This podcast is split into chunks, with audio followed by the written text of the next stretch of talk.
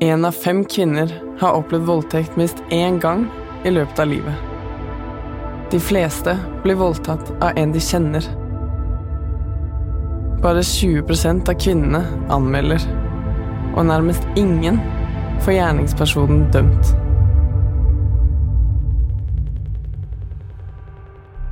Hei, jeg er Lea. Jeg elsker skogen, mennesker, mat, tekno og nye ideer. Da jeg var liten, var jeg nysgjerrig og sta. Som ungdom søkende og med på alt. Trygg på verden og menneskene i den. Det ble tatt fra meg i 2016. En dag i august. Den dagen jeg ble voldtatt av en jeg elsket. Dette er min historie, om veien gjennom helvete og tilbake til livet. Takk for at du lytter.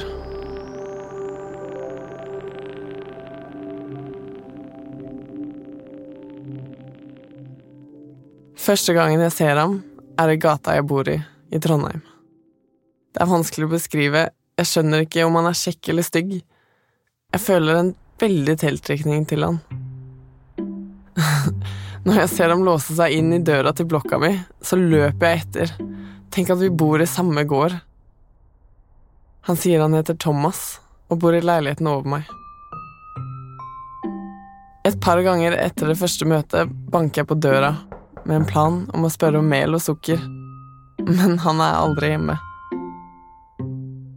To uker senere, en dag jeg sitter utenfor bygget, kommer han gående forbi meg. Han spør meg om jeg vil bli med opp på te. Leiligheten er stor, med åpen stue med utsikt over Nidelva. Vi går opp på rommet hans. Inne på rommet er det enda et vindu med utsikt. Jeg glemmer alt utenfor bobla vår. Jeg glemmer at jeg egentlig skal være på studentradioen. Han glemte at han skulle treffe venner. Vi glemte at folk ventet på oss der ute. Jeg løper ut døra, og bare noen timer senere ringer han meg. Han vil se meg. Skjønner ikke hvorfor han dro, sier han. Thomas er snart 40. Jeg er litt over 20. Thomas er veldig karismatisk og snill. Han introduserer meg til mange mennesker, og alle virker veldig glad for å se han hver gang. Han ler mye og vitser når vi er med andre mennesker, og lager alltid god stemning. Thomas er typen til å hjelpe folk med handleposene sine, snakke med fremmede på bussen om været og tipse servitørene på kafé.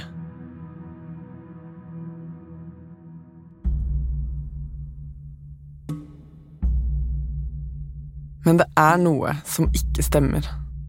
Det er noe rart her. Thomas er veldig hemmelighetsfull. Og jeg stiller ingen spørsmål. Noen ganger svarer han ikke på meldinger. Han kommer plutselig på besøk. Går plutselig. Han lyver innimellom om hvor han er. Det virker som det alltid er noen detaljer jeg ikke får vite. Thomas forteller at han er polyamorøs. Jeg skjønner ikke hva det betyr, men han forklarer at det betyr at man kan elske flere på en gang. Jeg tenker dødsfett. Jeg har møtt en likesinnet. Etter en måned med useriøs dating prater han om at han skal flytte til Asia. Jeg skjønner at jeg er forelska. Jeg vil ha han her hos meg.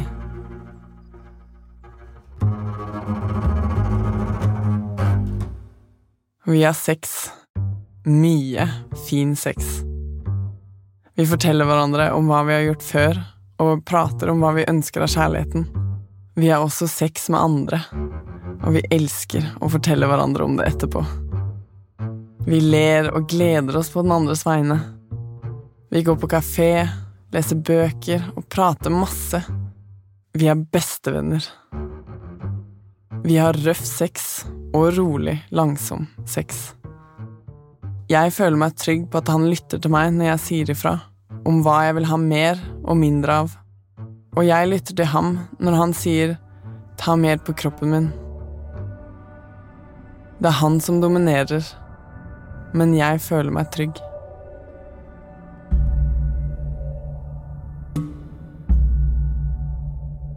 Når jeg ser tilbake igjen på det nå, ignorerte jeg alt som skurret. Til og med vennene mine advarte meg fra starten av at Thomas virket manipulerende. Men etter seks måneder var jeg bare så oppslukt av forelskelsen. Det var så spennende. Thomas var kjekk, erfaren og ga livet mitt konstante gnister.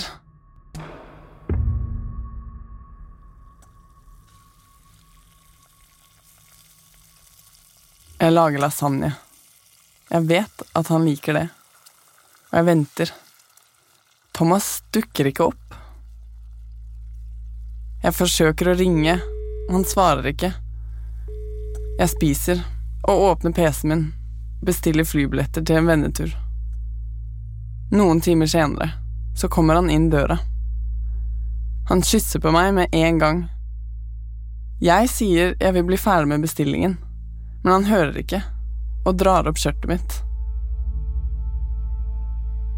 Jeg syns det er litt sexy, så jeg snur meg mot han for å være med, men han dytter hodet mitt tilbake mot skjermen og ber meg fortsette å bestille billetter.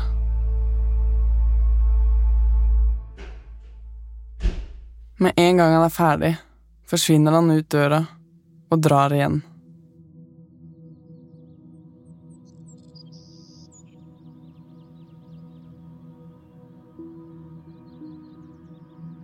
Dagene går. Vi er mye hjemme i leiligheten til Thomas. Bare oss to. Vi ligger i senga, spiser lange frokoster, og han kjøper god mat. Laks, egg, rundstykker. Og vi prater masse. I timevis. Thomas sier at jeg er moden og reflektert for alderen. Mange av samtalene handler om sex og kjærlighet. Han er veldig opptatt av sex, og han leser mye om det. Bøker om hvordan vi som mennesker over tid har lært å bli monogame. Hvordan man kan være en bedre elsker for partneren sin. Om kraften av tantra. Om hvordan man kan lære seg forskjellige orgasmer.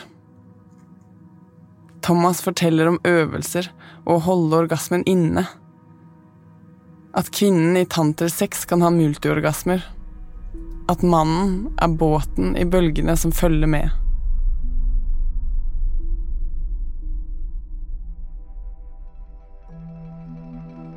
Etter et år drar jeg til Brasil for å studere og jobbe som frivillig. Jeg syns det er utrolig vanskelig å være borte fra Thomas. De første ukene så savner jeg ham og ringer han når jeg gråter på telefonen. Etter fire måneder i Brasil kommer Thomas på besøk for å feire nyttårsaften. Vi reiser til en festival hvor hippier fra hele verden møtes for å lære og dele kunnskap om urmedisin, transe, dans, tantra og yoga. Folk går kledd i lin, lange skjørt og vesker av lær og skinn. Festivalen ligger på en slette ved foten av syv grønne vulkaner som er omringet av en stor innsjø. Midt på den store sletta står en bygning formet som en hodeskalle, og inni den står det alltid en DJ. På den andre siden er det telt hvor man kan tømme menneskekroppen sin som et offer til moder jord. Det er tai chi og kundalini yoga workshops. Det er overveldende. Jeg klamrer meg til Thomas. Og der, langt ute på en slette omgitt av mennesker som er opptatt av nytelse, frihet og fred, tråkker Thomas nok en gang over mine grenser. Thomas spør meg om vi skal ta MDMA, eller ecstasy som det kalles. Kom igjen, da, vi tar det. Men jeg sier at jeg ikke vil. Men du kan bare gjøre det. Bare kos deg, sier jeg. Litt senere på kvelden gir Thomas meg en vannflaske. Jeg er tørst. Jeg drikker hele. Etterpå forteller Thomas meg at det var MDMA i flaska. Men jeg ville ikke ha, sier jeg. Slapp av, det går bra. Bare pust, sier Thomas. Jeg vet du vil like det. Du er bare redd. Det går bra.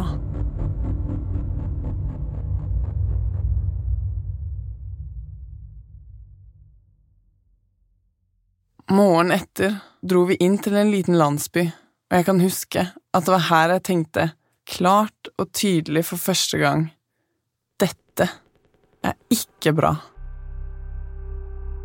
Han behandler meg som om han vet bedre enn meg hva jeg trenger. Men det hadde gått to år. Mange av mine tidlige 20-år har vært tilbrakt i en boble med Thomas. Jeg klarer ikke å se en vei ut uten å tenke at jeg mister alt jeg er glad i.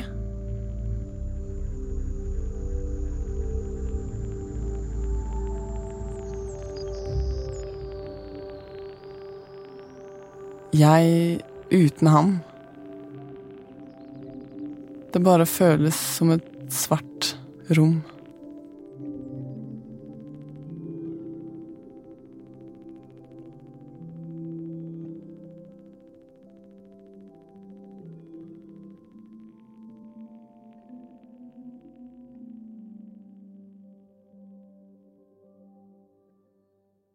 Jeg er nysgjerrig på hvordan jeg kunne gå fra å være heftig forelska til å havne i en destruktiv relasjon uten å oppdage det.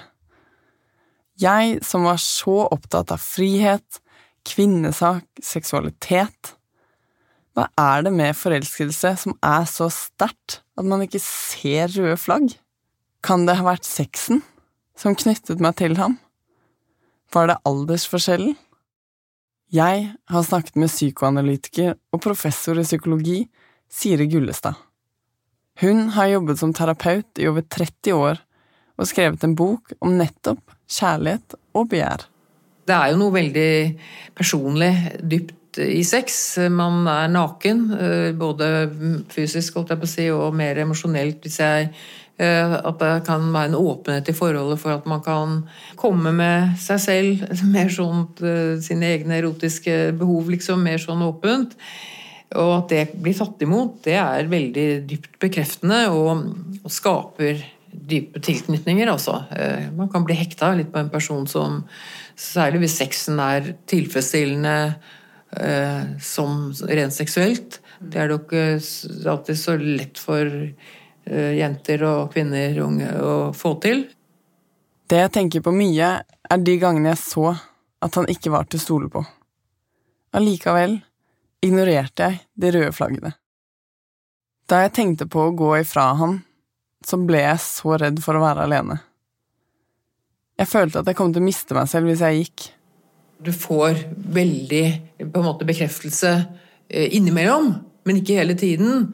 Tenk at jeg traff deg, og Eh, vi skal få til vårt forhold er helt spesielt, og, og så kommer han ikke. og men du tenker at eh, nei, det unnskylder du fordi han skulle noe annet, eller fordi han Fordi du får den innimellom-bekreftelsen da, som gjør at uh, du tror på det, selv om det er masse tegn på det motsatte. At han egentlig er ikke til å stole på. Du ser gjennom fingrene med det, for du får jo innimellom de store ordene, på en måte. Men det, der, det, det som jeg eh, du sier noe fint om, er altså dette mm, trangen til å uh, måtte eh, gå opp helt i forholdet, og kanskje miste seg selv litt. For det er jo noe av kjennetegnet ved forelskelsen også, tenker jeg. Og vi mennesker, vi har med oss, tror jeg alle, i dypet en trang til det å kunne gi seg helt hen og føle seg nesten ett med en annen. Vi har jo alle et barn i oss som er redd for å bli forlatt. Det er menneskets dypeste angst. Så er det en så sterk eh, behov du føler eh, kan bli tilfredsstilt hos den andre. Du, eh, det var sikkert ikke sånn man mente det. Eh, vil gjerne se den andre i mest mulig heldig lys, og overser de røde flaggene, som du kaller det. Fordi behovet for å, å ha den andre, og ikke miste, det er, det er noe av vår dypeste angst, altså. Det å miste. I gjennomsnitt tar det sju ganger å forlate en voldelig partner før man klarer å bryte ut. Jeg lurer på om Siri har noe hun vil si til oss som prøver eller har kommet ut av et voldelig forhold. Og hennes ord tar jeg med meg. Eh, ikke bli så fanga av skammen. For man kan jo tenke at hvordan kunne jeg være så dum?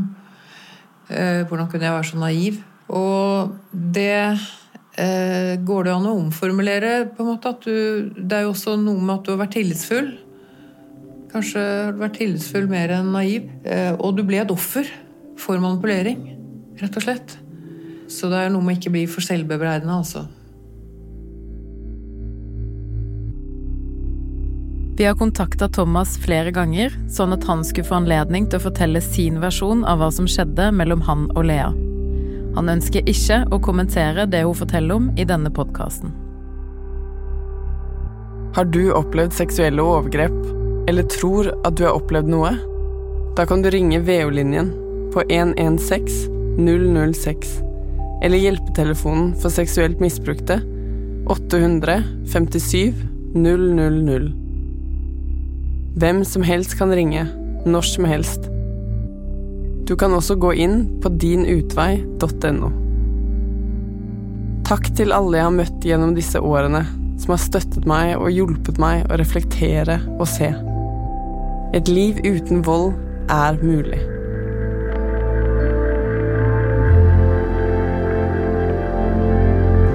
En dag i august er en serie fra magasinet Altså, laget av Filt Oslo og meg, Lea, som forresten ikke er mitt egentlige navn. Vi har byttet ut alle navn i historien. Vi har også byttet ut flere stedsnavn og årstall. Produsenter er Anne Gerd Grimsby Haarr og Ådne Riis Hallås. Manuskonsulenter er Pia Ilonka Jensen og Ida Palin Bostadløkken. Lyddesign og miks er Truls Rokiki. Ansvarlig redaktør er Ida Eliassen Coker hos magasinet Altså. Serien er støttet av Norsk Kvinners Sanitetsforening, Fritt Ord og Stiftelsen DAM. Jeg heter Ida Eliassen Coker og er sjefredaktør i magasinet Altså, som har gitt ut denne podkasten. Altså gjør noe som ingen andre har gjort før her i landet. Vi lager stoff som handler om kvinner, uten å fortelle deg hvordan du skal se ut eller hva du bør kjøpe. Gå til altså.no og les saker om mangfold, likestilling og bærekraft. Du vil føle deg styrka og håpefull for fremtida.